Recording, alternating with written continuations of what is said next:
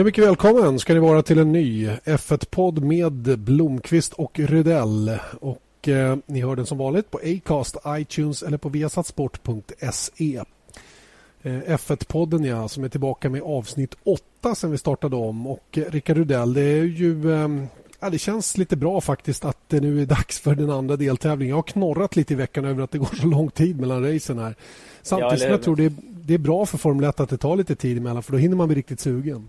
Ja, jag tycker de kör tillräckligt med race ändå. Om man ska se över, över hela säsongen så är det ju väldigt mycket fler race nu än vad det var för ett antal år sedan faktiskt. Så att de har ju att göra ändå tycker jag.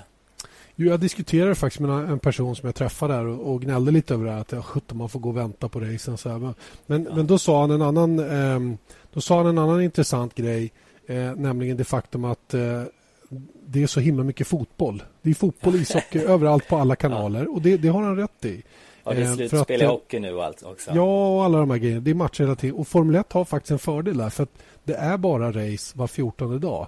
Och det ja. gör att det går inte samma inflation i det. Sen Nej, finns det inte samma publikunderlag heller. Men, men det är rätt intressant ändå att, att det, det, är en, det är en rätt lagom intervall ändå. För man blir ja, man verkligen får, sugen däremellan. Man får gå och längta lite. Ja, men lite så är det ju faktiskt. Och det är precis det jag har gjort de senaste dagarna. Man går och trampar och vill att det ska sätta igång. Och ja. eh, idag, idag är det onsdag eh, när vi spelar in den här podden, precis som vanligt. Imorgon torsdag startade ju aktiviteterna egentligen på banan med presskonferenser och sådana saker. Men en hel del försnack har ju redan varit här, Rickard, med framförallt relationen mellan Red Bull och Renault som verkar frostigare än någonsin. Vad, vad har du hört där? Ja, men alltså man tycker man ser lite uttalande här och var. Och Christian Horner sa ju senast där att Red Bull, Red Bull is a bit of a mess, sa det, är, det är ett ganska starkt uttalande från eh, Red Bulls stallchef då, som, som rent snackar ner Renault helt enkelt. Så det, det är hårda ord. Det är lite grann, känns lite grann som i början av en skilsmässa. Ja, men eller hur? Vi, ja. det, är lite, det är lite så man känner att eh, det håller på att liksom dra ihop sig till någonting som faktiskt kan bli Eh, det definitiva slutet för det här annars väldigt framgångsrika samarbetet som har varit då eh, och eh, som, som de har haft stor nytta av båda två. Fast där Red Bull kanske haft mer nytta av det än vad Renault har. Och det är väl det som har föranlett spekulationer om att Renault håller på att köpa ett eget stall. Och vad jag har hört i alla fall och vad jag läste nu. Jag backade tillbaka lite grann och såg att um, Autosport skrev för inte så länge sedan att Toro Rosso är det, det, det huvudsakliga valet då för Renault om de nu bestämmer sig för att köra ett eget team. Och det tycker man låter logiskt eftersom eh, Renault levererar motorer både till då Red Bull-teamet och Toro Rosso. Men eh, sen har, har, eh, det finns också rykten som säger att eh, de tittar på Sauber och Force India, två helt andra team då. Så att eh, det där är väl inte sista ordet sagt ännu tror jag. Känns inte som det. Och, och det, en annan sak som är lite intressant är ju om, om de nu är i luven på den, vilket de verkar vara då eh, nästan publikt, vilket är lite speciellt. Men jag tror att det är mer retorik och politik än det är någonting annat. Men eh, att vara i luven på den man vill köpa team av det är ju inte, det är inte världens lättaste uppgift. Och, eh, det känns ju som att tor, priset på Toro Rosso går inte ner om Renault börjar klaga på Red Bull nu åt andra hållet så att säga. Nej, så är det helt klart. Och jag tror att Renault som team, alltså Eh, om man kollar lite grann på historiskt sett vilka team som har haft mest framgång. Självklart så Ferrari från Italien har ju varit väldigt duktiga. Sen då Minardi som det var, eller Toro Rosso då, eh, som också är ett italienskt team. Det är inte heller helt lätt eh, att ha att göra med. Eh, och sju av tio team idag faktiskt, om vi ska räkna med Manor, eh, finns ju faktiskt i England och kanske att det är lite lättare att utgå från England. Sen, sen är det klart Sauber som är Schweiz team eh, har ju också väldigt bra faciliteter. Då, så att jag, jag tror mer att de kanske skulle titta, titta över var det är enklast att jobba någonstans. Okej, okay, så du, du, um, du tänker att England skulle kunna vara ett, ett första val då så att säga och att Schweiz är, är val nummer två i den, här, i den här frågan. Om vi ser det rent uh, alltså, infrastrukturellt och, och planeringsmässigt. Ja, absolut. Och de har ju varit med Benetton i många år och eh, Jordan-teamet som nu är Force India då, som från många år tillbaka eh, som ligger på Silverstone. Det känns ju mer naturligt att de skulle utgå därifrån faktiskt. Mm. Eh, annars hade det varit det enklaste att bara gå tillbaka till Enstone och där Lotus finns. Då. Men problemet med det var väl att, att Lotus bytte motorleverantör till, till Mercedes till den här säsongen och därmed så rann väl den möjligheten till en affär ut i sanden. Och, eh, I och för sig, de behöver ju inte vara märkesbundna. Force India ju, kör ju idag med Mercedes ja. och, och, Sauber kör med Ferrari så jag tror inte det spelar någon roll i och för sig. Men, men eh, dina, dina uppgifter talar om att, att eh, det är Sauber och det är Force India som är de, som de, troliga, de troliga kandidaterna just nu. Fast jag tror inte att sista ordet är sagt. De, det spekulerar säkert en hel del och de eh, håller säkert på och förhandlar och då vill man ju inte heller att det ska komma ut för mycket om, om vad man gör och sådana saker heller. Så att det där, det är nog inte klart som sagt ännu det där. Det är nog ganska mycket spekulationer än så länge. Kan det till och med passa de här förhandlingarna att, att man lyfter upp Toro Rosso som huvudkandidat trots att de egentligen inte är med i diskussionen? Ja, och sen eftersom de levererar motorer till Toro Rosso idag så är det väl kanske enklast att tycka att, de, att fortsätta med ett av de teamen de redan finns med. Mm. Men man blir lite förvånad tycker jag ändå att det har gått så fort. Jag de vann 10, 11, 12, 13 så vann de VM med Red Bull. Eh, och senast förra året så var ju Vettel faktiskt bara 500 delar bakom Lewis Hamilton i kvalet i Malaysia. Så att det, det känns som att det, sen dess, eh, sen början på förra året så har det nästan mer eller mindre stått stilla medan alla andra har gått framåt mer liksom. Jo, delvis stämmer ju det. Jag menar, nu blev de ändå tvåa i VM ja. Red, Bull, Red Bull med Renault-motor. Och det, det blev ju bättre allt eftersom. Men, men precis som du säger så känns det som att Renaults, Renaults Power Unit har inte tagit några kliv alls egentligen från förra året eh, jämfört Nej. med Mercedes och framförallt Ferrari som verkar ha hittat oerhört mycket mer knuff i den där motorn än vad de hade förra säsongen. Nu vad jag förstår så har Renault fått mer hästkrafter men det de har tappat istället är körbarhet. Det ja. där kanske du kan förklara lite mer känslan av att ha mycket pulver men ingen körbarhet i förhållande till att ha kanske lite mindre hästkrafter och en motor som går att hantera.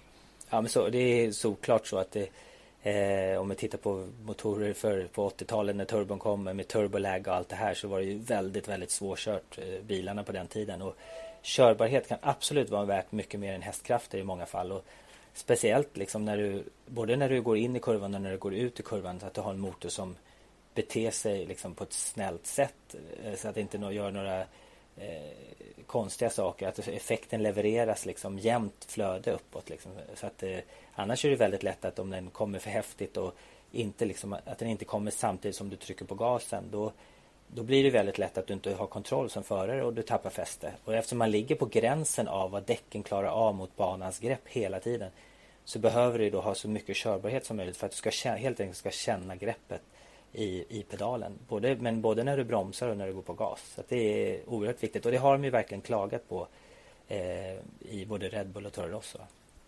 Eh, det, antar att det är grader i helvetet där. Att det, vi pratar inte om att när du trampar på gasen så händer ingenting på en Nej. sekund och sen så kommer all effekt. Men lite åt det hållet är det ju. Och eh, hur, mycket, hur mycket skadar det varvtiden så att säga? Går det att uppskatta det från sidan av eller är det bara den som kör som kan liksom känna ja. att det där är ett jätteproblem?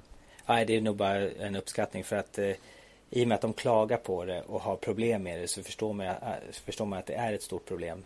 Eh, sen det går ju inte, det går inte alls att eh, gissa hur mycket tid som ligger i körbarheten. Det, det måste man ju liksom analysera deras data för att se helt enkelt. Mm. Eh, Renault påstår ju också att, eh, att Red Bull ljög eller att Adrian Newey ljugit när han sa att det var bara power uniten som, som var problemet just nu för Red Bull. Att I övrigt så är allting perfekt. Eh, Cyril Abitibull som är vd då för Renaults motororganisation just nu då, han, han menar ju på att det där var en ren lögn för att de har mer problem än så. Eh, en instabil bakände och det är ju ganska ovanligt för att vara en Adrian Newey-bil om det skulle vara på det viset. Ja, sen, men det är precis som vi sa tidigare där, alltså de börjar det är inte bra när de börjar smutskasta varandra och säga att det är det som är problemet och skylla på varandra. Det, det är liksom lite smutskastning och eh, det känns som att det är tråkigt att det händer så tidigt på säsongen för att det har faktiskt ganska många race kvar här, den här säsongen. Alla utom ett. Eh, vi pratade lite om att det, att det är um, att Renault då tittar på kanske framförallt Force India eller Sauber just nu då som, som kandidat för att bli eget team då från och med nästa säsong. Om vi tittar på den andra sidan då, Red Bull, vad ska de köra med om de inte kör med Renault? Ja, och det, det är väl bara spekulationer men eh, de pratar ju säkert med någon annan tillverkare som kanske inte finns i Formel 1 idag. Eh, det är väl det mest troliga och det är väl spekulationer det också. Det är ju det. det vad jag har hört så är det Audi, eh, eventuellt folkvagn, men framförallt Audi. Audi. Audi blir allt starkare, vilket Audi naturligtvis tycker är toppen att bli omnämnda ja. som, en, som en kandidat för Formel 1 trots att de ja, eventuellt inte, inte kommer dit. Men, för jag menar, all reklam är bra reklam. Men, men vad tror du? Så, eh, som jag känner det, eh, du får säga emot om du tycker tvärtom, men det känns som att Red Bull i med den, vad ska jag säga, den kampanj man har haft för att ändra det här motorreglementet då, främst då från 2017 gör att det leder mig att tro att de har en motortillverkare som inte vill bygga den här typen av power unit. För vi har ju sett hur stora problem alla har att få till en fungerande power unit inom ramen för vad som är rimligt tidsmässigt. Det är klart att man förr eller senare får ordning på det men det tar väldigt lång tid. Titta på Honda i år, titta på alla tillverkarna förra året. Ja. Eh, känns det, tror du, som, en, som, en, som ett troligt upplägg att de har någon i kulisserna men de vill bygga en annan typ av motor? Ja, absolut, och annars skulle de väl inte våga gå ut och kritisera Renault så hårt om de inte liksom har någonting annat de jobbar med. Det, skulle, det känns ju jättekonstigt. Och sen om vi pratar Audi så är det klart att de har de har ju alltid hållit sig borta från Formel 1 och satsat då på mest då på långlopp. Självklart DTM och så har de ju kört. De har kört en del nationella serier men de har satsat, väldigt mycket på Le Mans 24 timmars och, eh, och långlopp helt enkelt och för att visa sina vad bilarna klarar av och så. Men det, de har gjort det väldigt många år och det kanske är dags för dem att göra något nytt också så det är väl inte alls omöjligt att det skulle kunna vara Audi. De har ju en framstående rd avdelning i alla fall med, med hybridteknik. Ja. De till och med går upp en, en klass i, i långlopps, långloppssammanhang med ännu mer effekt. Det tar 4 megajoule tror jag det blir till den här säsongen jämfört med två vad de har haft tidigare. Nej, jag tycker det, det vore spännande faktiskt med Audi om, om de kom in. Det är ett starkt varumärke. Ja, helt klart. Bra för Formel 1. All right. Därom detta med eh, den här eh, mer eller mindre infekterade eh, diskussionen som pågår offentligt just nu. Det blir en intressant presskonferens på fredag för övrigt för då sitter både Toro Rosso, det vill säga Frans Tost, Christian Horner och Cyril Abiteboul på presskonferensen tillsammans. Det ska bli det ska bli hörvärt eller läsvärt. Måste man, måste man lyssna på. Ja. ja men på, på, något sätt. De får väl ha några vakter där inne ifall att det blir bråk. Ja. Inte vet jag. Ja. Hörru, annars så skjuter vi in oss på Malaysias Grand Prix. Då, en, ett speciellt lopp. Det är ju två kan man väl säga lopp under säsongen som är eh, extrema när det gäller luftfuktighet och värme. Och det här är ju ett av dem. Och har, har, du någonsin upplevt eller kört, nu vet jag att du var i Argentina, men där kändes det som att det inte var den här eh, 70-procentiga luftfuktigheten på samma sätt. Men det kanske ni hade? Nej, alltså fuktigheten var inte där, men det var ju 39,6 grader i luften, alltså 40 grader i luften. Mm. Eh, så att det var ju grymt, eh, grymt varmt och vi sitter ju ändå, eh, även om vi in, kör inte race som är mer än 25 minuter så sitter man ju ändå bilen nästan exakt en timme för varje race och bara bara en kvart emellan racen då innan vi kör andra racet. Så det är viktigt att få i sig vätska och att man inte eh, kollapsar mellan racen nästan för att det, det, man svettas nu otroligt mycket verkligen. Så det gäller att få i sig vätska i tillräcklig mängd hela tiden. Men även på, även på Le Mans för många år sedan så eh, när det var riktigt varmt så där, vi kör, där jag körde för eh, ProDrive Ferrari-satsningen då fick vi faktiskt eh, dropp mellan eh, passen när vi körde. För, just för att det var väldigt varmt och vi hade en doktor som var med där nu och han tyckte att det var snabbare sätt att få i sig vätska eller en, man ska säga, salter och mineraler i kroppen än att dricka det. Och det var bara salter och mineraler? Det var ingenting annat i det nej, där droppet? Nej, var inga, inte vad jag vet. Man litar ju på doktorn, eller hur? Eller hur? Fråga alla cyklister. Ja. De, har också, de har också litat på doktorn i alla ja, år. Ja, exakt. Nej, nu ska jag inte vara taskig mot alla cyklister men det är ju en, en dopingförknippad eh, idrott i alla fall har blivit, tyvärr. Eh, hur som helst, det där är ju rätt så talande för hur tufft det kan vara och eh, eh det är ju lite intressant med det här racet och jag, jag pratade med Marcus Eriksson om det för ett par år sedan när de körde premiären i GP2 i Malaysia. Jag tror att det var två år sedan. Eh, och ehm, då, då sa han det att det är egentligen inte tiden i bilen medan man kör utan det är tiden innan och efter och allt runt omkring ja. när man sitter i overall och hjälm och man, det bara forsar ur kroppen och hur ja. mycket vätska man måste ha i sig redan innan, hur man måste tanka på förråden ordentligt. Och när, när det är så fuktigt och så varmt och kropp, kroppen tömmer sig själv på vätska det är svårt att dricka i kapp det. Det är svårt för kroppen att ta upp så mycket vätska och salter och mineraler som man som man gör genom magen. Liksom. Det, det, är verkligen tufft och du måste ju förbereda dig flera dagar i förväg och sådana saker. Men det, det, är verkligen tufft och det slutar alltid med huvudvärk på kvällen för att man har tappat väldigt mycket vätska. Då. Just det. Eh, och då kommer vi in till den andra intressanta detaljen som aldrig fungerar i Formel 1, nämligen drickafunktionen. Är inte det konstigt i en sån högteknologisk idrott? Att ja. det nästan alltid slutar att fungera. För någon förare har alltid, ja då är det verkligen problem för dem. Speciellt när det är så varmt. Eh, vi har ju provat, när jag har kört långlopp har vi provat med olika system. Det finns då där du har en elektrisk där du trycker på en knapp och du sprutar vatten i munnen. Men faktiskt de enklaste systemen har varit en, så här, en cykelväska, så här camelbag, camelback vad man kallar dem. Just det. Eh, så man bara, när man byter förare då så, man, så är det en meck som bara byter den flaskan. Och så bara kopplar man på den på hjälmen och så suger man helt enkelt vattnet och den sitter ändå ganska högt så att det är inget, det är inget jätteproblem att, att suga i sig vattnet. Och det tycker jag har funkat. Ja, så det är i princip en mekanisk grej och de liksom fallerar ju inte men det är som du säger, det är ofta någon förare som får problem under racet med dem. Eh, om vi ser till själva banan som sådan då har Pirelli valt att ta med de två hårdaste gummiblandningarna. Och när man ser layouten och, och, vi har ju sett många race i Malaysia tidigare så, så förstår man varför de väljer de två däcken. Det är en väldigt snabb bana, många svepande svängar, eh, två stycken rejält långa raksträckor med hårda inbromsningar i slutet på dem. Eh, det är ju en eh, speciell bana där, det, det får man ändå säga. Och med, I kombination då med värmen och fuktigheten och det, det, den utmaning det blir för, för bilarna också med tillförlitlighet. Många bröt ju senast och det finns väl anledning ja. att tro att det finns risk för det den här gången också. Ja, precis, absolut, jag håller med. Och de, man hade ju även de hårda och medium, de två hårdaste gummiblandningarna då även 2013 och 2014 när man körde här, eller sista åren. Jag tror man har haft det varje år faktiskt här. Mm, mm. Och, och det är i och med att den är tuff på däcken, speciellt på bakdäcken. Och det är som du säger, du har både snabba partier men du har ju också några långsamma partier där du liksom ska på gasen. Så att jag tycker karaktären av banan är väl lite mer lik Barcelona än Australien i alla fall. Där du behöver, all, du behöver ha en bra motor, du behöver bra aerodynamik för du har snabba partier. Men du behöver också traction för att ta dig ut kurvorna. Och har du problem med traction så är det lätt att köra slut bakdäcken i racet. Så att, och förra året så var det ju, de flesta gjorde tre eh, depåstopp medans var Hylkenberg som gjorde två stopp tror jag. Men mm. var nästan lika snabb med två stopp som tre stopp. Så det, är väl, det är väl två eller tre stopp som gäller. Beroende lite på temperatur och sådär. Sannolikt. Sen har vi ju en faktor som vi inte har berört än. Det är ju, det, det är ju att det kan regna en del i Malaysia. Ja. Vilket vi också har varit med om 2009 ja, till exempel. Där ja. vi kunde bara köra ett halvt race eftersom det blev mörkt till slut. Och Det är ju en annan faktor som vi måste ta med i det här. Men det är ju tydligen väldigt svårbedömt att, att göra prognoser för just Sepang av någon anledning blev väl halva poäng då det året också? Ja. Just det, 2009 blev det det. Ja. Jenson Button eh, gick ju segrande den gången och fick halva pinnar för, för det racet. Då. Just det. Mm. Ja, nej, vi får se vad som kommer att hända. Och det är, ju, det, det är ju också en grej som man måste naturligtvis ha med i beräkningen. Låt säga att man tränar och det är torrt både fredag och lördag. Eh, och sen så får man reda på att det kommer att regna till och från under söndagen. Och Det gäller att hitta kompromissen hur man ska sätta upp bilen och hur mycket man ska snegla mot att kanske ha lite, lite mer downforce, lite mjukare bil för att klara just traction bättre när det blir blött. Eh, mot att vara snabb på lördagen, för efter kvalet så får du inte göra någonting åt bilen. Hur, hur tänker man där tror du?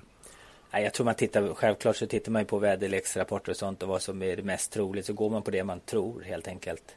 Eh, så det är klart att racet är viktigt, viktigt att ha en bra balans i racet när man kör så långt mot mot att kvala en eller två platser högre upp på griden eller tre platser. Så att eh, det, där tittar man nog säkert. Tror man att det ska bli blött och regna. Men det är som du säger, du vet ju inte riktigt där. För det ganska opolitliga eh, väderförutsikter också. Prognoser. Ja, ja. Visst, visst, är det så. Ja, det, där är, det där är lurigt. Alltså. Jag, jag skulle inte vilja vara den som måste ta det beslutet så att säga, och komma fram till någonting. Och det, jag antar att det görs väldigt mycket samråd med föraren. Vad han tror och känner också att han vill ha. Ja, så är det absolut. Självklart. Det är, ingenjören och föraren i slutändan som tar det beslutet. Du, eh, vi har ju eh, förhoppningsvis då några förare som kommer tillbaka. Eh, Fernando Alonso har i alla fall flugit till Malaysia och hållit någon presskonferens där nere där han har berättat om att han bland annat kände att bilen blev lite trögstyrd innan den gick av banan i Barcelona när han kraschade. Det är väl Just i princip det. det han har kommit ihåg efter den smällen. Annars har han genomgått lite undersökningar nu och, och det verkar som att han kan vara fit for fight. Ja, sen gör han väl någon eh, med FIA Medical Check imorgon på torsdagen tror jag för att det slutliga. Men han har gjort tester i, i England också innan han åkte iväg. Så att jag tror att absolut att han är... Om han har åkt dit så räknar han ju med största sannolikhet att han ska kunna köra. Så det, det ser vi fram emot. Jag tror det är bra för McLaren för han är ju ändå deras ledande förare. Eh, och det är väl lite han som man sätter som måttstock. Och Button vet man att han är väldigt snabb också självklart. Men jag tror ändå att i slutändan så är det nog Alonso som kommer vara den kvalsnabbaste av de två. det, är intressant. det intressanta är om de, har, om de har fått någon ordning på den här motorn. Om de kan köra lite mer av hybrideffekten då som de uppenbarligen inte använder någonting av i stort sett just nu. då att de inte kan ta ut någon sån återvunnen energi. Då. Det är ju 160 hästar som de går miste om direkt och det går ju inte överhuvudtaget. Nej, ja, för att de är ju inte fem sekunder efter och det visade de ju på Barcelona-testen. De gjorde ju något fullfartsvarv där och var inte så långt efter. Så att, visst är det så att de men det är klart att om det är ännu varmare i Malaysia, Malaysia så är det inte säkert att, det, att de har eh, så lätt att få allting att fungera där heller. Ja, det, blir, det, blir, ja, det är nästan lite synd om dem. Va? Men de, de får väl fortsätta att se, se de här inledande tävlingarna som ja. form av tester och göra jobbet för teamet så att säga snarare än att man tänker på en egen prestation. Det är tufft också för Alonso att komma tillbaka till just Malaysia. Det är som är ett av de absolut mest hårdade, hårdaste racen på säsongen där man, man räknar ju med att eh, alltså, rent pulsmässigt och G-kraftsmässigt på den banan så är det och just med den värmen som är så tror att det är nog kanske, även fast det inte är fysiskt hårdaste banan att köra så är det nog kanske den tuffaste på året. Men eh, han kanske, om man nu har samma otur som Kevin Magnusson, kanske inte blir så mycket kört. Ja, det, exakt. Det vet man inte. Det var ju bedrövligt. Alltså ett ja. riktigt ras. Det bara smällde till och det bara flög metallbitar om den här motorn. Där är de ju en, en motor kort redan då, precis som Daniel ja. Ricciardo i Red Bull. Eh, fyra power units på en hel säsong. Visserligen kan de säkert använda några av enheterna så att säga vidare. Men, eh, att bara ha fyra och smälla en direkt redan första tävlingen det, det innebär ju att man förr eller senare får en bestraffning. Det känns ju så i alla fall. Ja, absolut. Det kommer ju senare delen av säsongen, absolut. Det är lite lättare att sitta i en eh, Mercedes kanske då. Ja, den verkar fungera fläckfritt och vad jag förstår så Eh, under eh, Albert Park-helgen där så kom det ut också att det blir väl nio tokens som Honda har att eh, tillgå under året. Man gjorde ett genomsnitt på de tokens som var oanvända efter, eller ja, inför premiären hos de övriga tillverkarna och snittet på de oanvända blev nio och det är det Honda då får uppdatera sin motor med under året och det kan bli nog så viktigt tror jag med tanke på hur det sett ut så här långt. Ja, och de behöver, alltså det är sannolikt så att de behöver göra mer på den motorn än vad någon av de andra behöver göra. Så att det, det kommer de ju absolut utnyttja och det är bara frågan hur länge de väntar om de gör som Renault och väntar till eh, senare på säsongen men mm. Eh, på att det ska utvecklas. Men det blir spännande att se när, när de kommer. Jag är ruggigt nyfiken på hur bra den där bilen är faktiskt när motorn väl Exakt. fungerar för att det kommer ja. att gå ruggigt fort tror jag. Ja, jag tror också och det. det. Det och det kan ju hända bil. när som helst. Det kan hända precis när som helst. Ja. ja om de kan utnyttja alla de hästkrafter som finns i alla fall. Precis. Sen har vi Valtteri Bottas då, som hade en skadad disk som han eh, åkte dit på i, eh, i, eh, ja, på lördagen i, i Melbourne. Det kom som en överraskning faktiskt. Det var ingenting som man hade... Man såg inte att det hände något på banan egentligen som skulle ha orsakat det där. Utan det verkar vara någonting som bara... Vad jag förstod på rapporterna så kunde det ha kommit och kommit när som helst egentligen. Det är någonting som har legat latent där. Ja, jag har aldrig haft eh, den känslan själv men man hör ju på de som har varit utsatta för det så är det ju som en kniv i ryggen och var omöjligt för honom att sätta sig i bilen och köra i en timme och 40 minuter eller vad det blir. Så att det, det förstår man ju verkligen om det är en sån grej. Så att det är inte mycket att göra åt då. Helt enkelt. Nej, men och sen fanns det väl en risk att han kunde förvärra den där skadan. Då, vilket gjorde ja. att även om man hade kunnat kanske med en spruta med smärtlig, eller ja, något smärthämmande så hade han säkert kanske kunnat genomföra racet. Men, men um, han vart ju rådd att vila och eh, få försöka ta nya tag. Då, för han har tränat bra den här veckan och det är samma för honom antar jag då som för Alonso att han, han måste gå igenom den här läkarkontrollen. Ja, kolla ryggen i alla fall. Absolut. Mm. Så förhoppningsvis har vi de två tillbaka och avslutningsvis då så är det ju så att Manor eh, pratar i alla fall om att göra comeback. Vi får hoppas att de gör det nu också. Ja, och det var, de har ju fått så mycket kritik där. Fick ju från Börn Eckerson speciellt som inte ville betala respengar eller någonting. Eh, för att han tyckte att de åkte till Australien bara för att eh, ja, för helt enkelt få sina prispengar och allt eh, som de kan vara berättigade till då. Men eh, jag tror att de gör allt de kan absolut för att köra nu. Det hänger väl på om de har betalt eh, det de ska till Ferrari så att eh, Arva Bene kan eh, ge dem de resurser de behöver. Just det, så han kan få sin, sin, sina money så de kan få sin honey. Eller vad uttryckte han det? precis. No, no money, sånt. no honey. Eh, ja. De vart ju, de, männen vart ju alltså uppkallade till FIA eh, efter, eh, efter helgen då för att förklara varför varken Stevens eller Roberto Meri då hade kört någonting. Och det var ju helt enkelt eh, mjukvara som eh, hade raderats ur teamets hårddiskar som gjorde att man inte kunde starta upp någonting egentligen. Och när man då behövde ersättningsprogramvara så höll Ferrari på den eftersom det fanns obetalda räkningar. Och, men nu verkar ju det här löst. Då. De, de har ju någon finansiär vad jag förstår som, som har en del pengar. Och, och eh, när han har förstått situationen så kanske han eh, gör det han måste. Ja, om han kommer så här långt så tror jag att de, absolut att då måste de ju få fram det sista som krävs också. Och jag tycker det är skitbra med 10 team på, på griden. Vi behövs verkligen i Formel 1. Det kan inte vara det måste vara 20 bilar och det ser klent ut som 15 bilar som vi såg sen då efter de incidenter som hände i Australien. Eh, det är ju alldeles för lite helt klart. Det var ju faktiskt bara 13 bilar ut på andra varvet. Ja, Helt otroligt. Ja. ja. nej, det, var, det var miserabelt. Det var inte, inte kul och så får det naturligtvis inte vara. Jag förstår att folk som gillar Formel 1 och har följt Formel 1 är kritiska mot att det ja. är så lite bilar som det är. Det, det, måste de fixa till på något sätt och det är ju ingen annans ansvar än de, år, de som arrangerar sporten. Det måste ju de lösa på något sätt och det måste de lösa snart. Och vi har varit och, inne på det förut. Det är liksom, det är, kostnaderna har ju skenat iväg. Eh, och inte bara för teamen utan det är även dyrt att gå och titta på race för publiken också som vi snackade om i Tyskland eh, som inte blir av nu då. Så ja, det är ett det. stort problem för sporten och det måste man ju verkligen se över helt klart. Just det. Och eh, så sent som idag så skriver Silverstone, eller skriver Autosport att Silverstone vill försöka pressa ner priserna då de känner att det finns en stor efterfrågan hos folk som egentligen inte har råd eh, för att ja. priserna är för höga. Då. Och vi blir alltså av med Tysklands Grand Prix av den här anledningen att man inte kan fylla läktarna till de priserna som, som man måste ta för att Bernie ska få... Eller Bernie, det är inte bara Bernie. Jag, jag tycker han får mycket skit. Det är Thielen.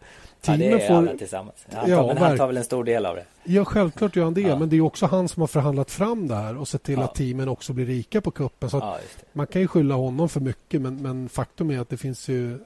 Alla är ju lika goda kålsupare. Ja, så är det. Helt klart.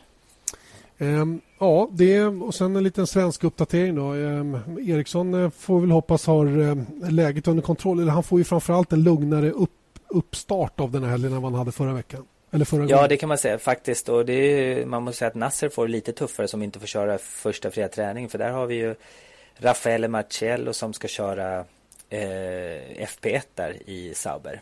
Stämmer. Italienaren som eh, kommer att köra GP2 för Trident i år och är reservförare då i Sauber-teamet. Kopplingen till Ferrari finns ju. Han är ju ja, en, det är deras young driver. Och det är väl en del av betalningen antar jag för att de får Ferrari-motorer. Jag läste någonstans faktiskt att han är första italienaren som kör, eller som deltar då i ett en Grand Prix-helg. Nu är det bara FP1 då. Sen mm. Trulli körde 2011. Ja. och, först, och, och senaste vinsten som någon italienare vann ett Formel 1 det var Fisichella i Malaysia 2006 faktiskt. Ja. Så, och innan och dess var det Innan dess ja. var det väl Trulli i Monaco 2004. Så det, är inte lång, det är långt mellan gångerna. Ja, men tänk att Italien som är så stort motorland och vi har Ferrari och allting och inte haft det är rätt, rätt, lite katastrof faktiskt att vi inte haft någon italiensk förare sen, sen Trulle då 2011 det, det, är rent bedrövligt egentligen. Men det var roligt för jag, jag kommer ihåg jag pratade med Ivan Capelli gjorde ett reportage om det varför Ferrari till exempel inte promotar fler italienare och haft fler italienare i sitt team. Och varför ja. jag pratade med Ivan var ju för att han var den senaste italienaren som körde full säsong för Ferrari och det var 1991. Oj, jag menar, ja. det, det, det är jättelänge sedan och jag menar han hade egentligen inget svar, men, men ja, han hade ett svar som var att Ferrari är Ferrari. Ferrari ja. är inte någon förare. Eh, Ferrari är märket Ferrari och det är italienarna som älskar Ferrari. De, de, de tycker naturligtvis det är fantastiskt om en förare kör bra för dem och så vidare. Men en förare kommer aldrig att bli större än teamet. Och Nej, det, det. det, är väl det, det är väl det. Och de har ju alltid gått för säkra kort när det handlar om att, att anlita vilka som ska köra bilarna. Ja, och så att, men eh, Marcello där är ju faktiskt en väldigt duktig chaufför så att vi får se vad det kan bli av honom. Vad han kan göra på FP1 där. Just det. Marcus. Och eh, Raffaele Marcello kommer alltså köra ett antal fredagsträningar de helgerna GP2 inte kör. Så att det blir fyra stycken tror jag som han kan göra inhopp i. Jag är inte riktigt säker på det, men jag tror att det är fyra. Eh, ja. Och det, det, är inte bara Nasser som kommer att få vila den här, eller den, här, den här säsongen. Det, det, kommer att, det kommer att drabba Marcus också vid något enstaka tillfälle. Jag tror ja, att de del, delar på det rätt så jämnt. Jag är inte säker på det, men Jag, jag utgår från att det är på det viset. Så att ehm, eh, det är ju lite intressant. En annan grej som vi kan ha med här när vi pratar ungdomar som ska få hoppa in. Det här med att annonsera ut eh, development driver-roller verkar, ja. det verkar vara populärt om man ska försöka ja. få till en bra budget i alla fall. Nu är det den senaste då är ju Adeli Fong, då, Hongkong-kinesen som är född i Kanada eller om det är USA som eh, har fått den här positionen då. Eh, ytterligare en utvecklingsförare för över till Lotus då, som behöver mycket utveckling verkar det som. Ja, och de har ju kanske inte de två mest meriterade utvecklingsförarna heller. Först en väldigt eh, söt ung tjej eh, och sen då han Fång. Så att eh, det är väl inte så mycket hjälp teamet kommer få från förarna utvecklingsmässigt utan det är självklart att det handlar mer om att de kommer in med sponsorer till teamet och hjälper dem finansiellt.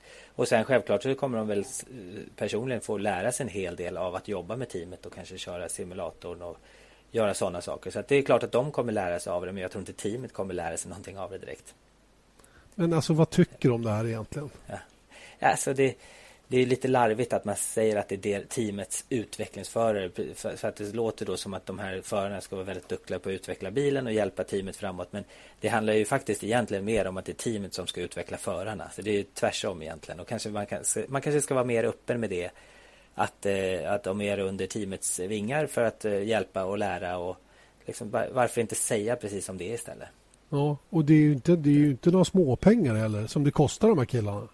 Nej, så är, så är det helt klart. Jag förstår ju å andra sidan teamen som eh, att de, om de kan liksom eh, då signa utvecklingsförare och få en bättre budget till sitt raceteam så varför inte? Men jag tycker man kanske kunde vara öppen med det och säga att vi, det här är två förare som vi tror på på sikt kanske då man, och vi kommer hjälpa dem att utvecklas som förare istället för det är det det handlar om i så fall. Mm. Man kan ju inte påstå att de har valt två rock, rockstjärnor, eller säga.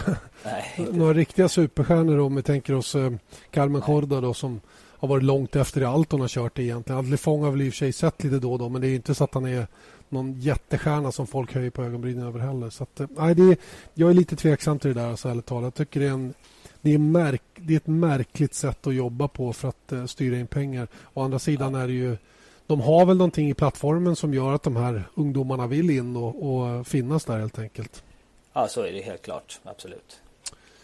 All right. Jaha, tänker du eh, hålla eh, nätterna öppna nu den här helgen i alla fall? Ja, man får support, support, support, kolla lite. Ja, det ska bli lite spännande faktiskt också. Även, även om utgången är väl ganska så eh, vet man väl vad, teammässigt eh, hur de kommer ligga till. Men eh, det ska bli lite kul också tycker jag att se Hamilton-Rosberg-duellen.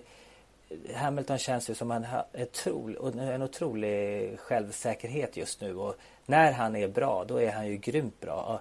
Det känns som att Rosberg måste göra någonting för att liksom få honom ur, eh, ur spår. Han måste ju chocka honom på något sätt. Och lite psykologi däremellan. Och, sist efter Australien så sa Nico Rosberg att han tyckte att Hamilton drove like a champion sa han. Mm. Han nästan mm. boostar Hamiltons självförtroende istället för att försöka liksom Eh, det måste hända någonting där. Men jag tror inte det kommer hända det här racet. För Hamilton dominerade Malaysia förra året. Jag tror han kommer göra den här helgen också.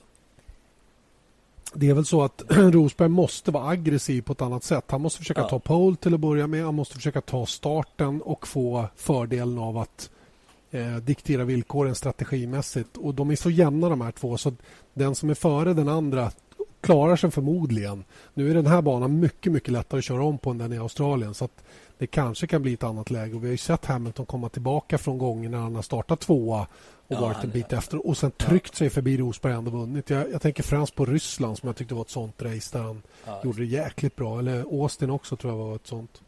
Han måste få eh, Hamilton i obalans helt enkelt. För han är alldeles mm. för stabil just nu. Han är, ja, som sagt, han vunn, vann sitt sjunde race av de åtta senaste i Australien. Hyfsat. Ja, ganska bra. Det är bättre rekord än du har. Ja, helt klart. För närvarande i alla fall. Men det ska vi ändra på. Det kommer. Det kommer. Det är bra Rickard. Jag kan ju uppdatera om tiderna då, så du vet när du ska ställa klockan. Fredag morgon startar vi 02.55. Det är bara att gratulera. Eh, trä, träning 2 börjar dock 6.55 så man kan, ju, man kan ju faktiskt gå upp halv sex om man har spelat in träning 1 och så se båda träningarna efter varandra. Det är ju ett tips som vi kom med förra gången redan.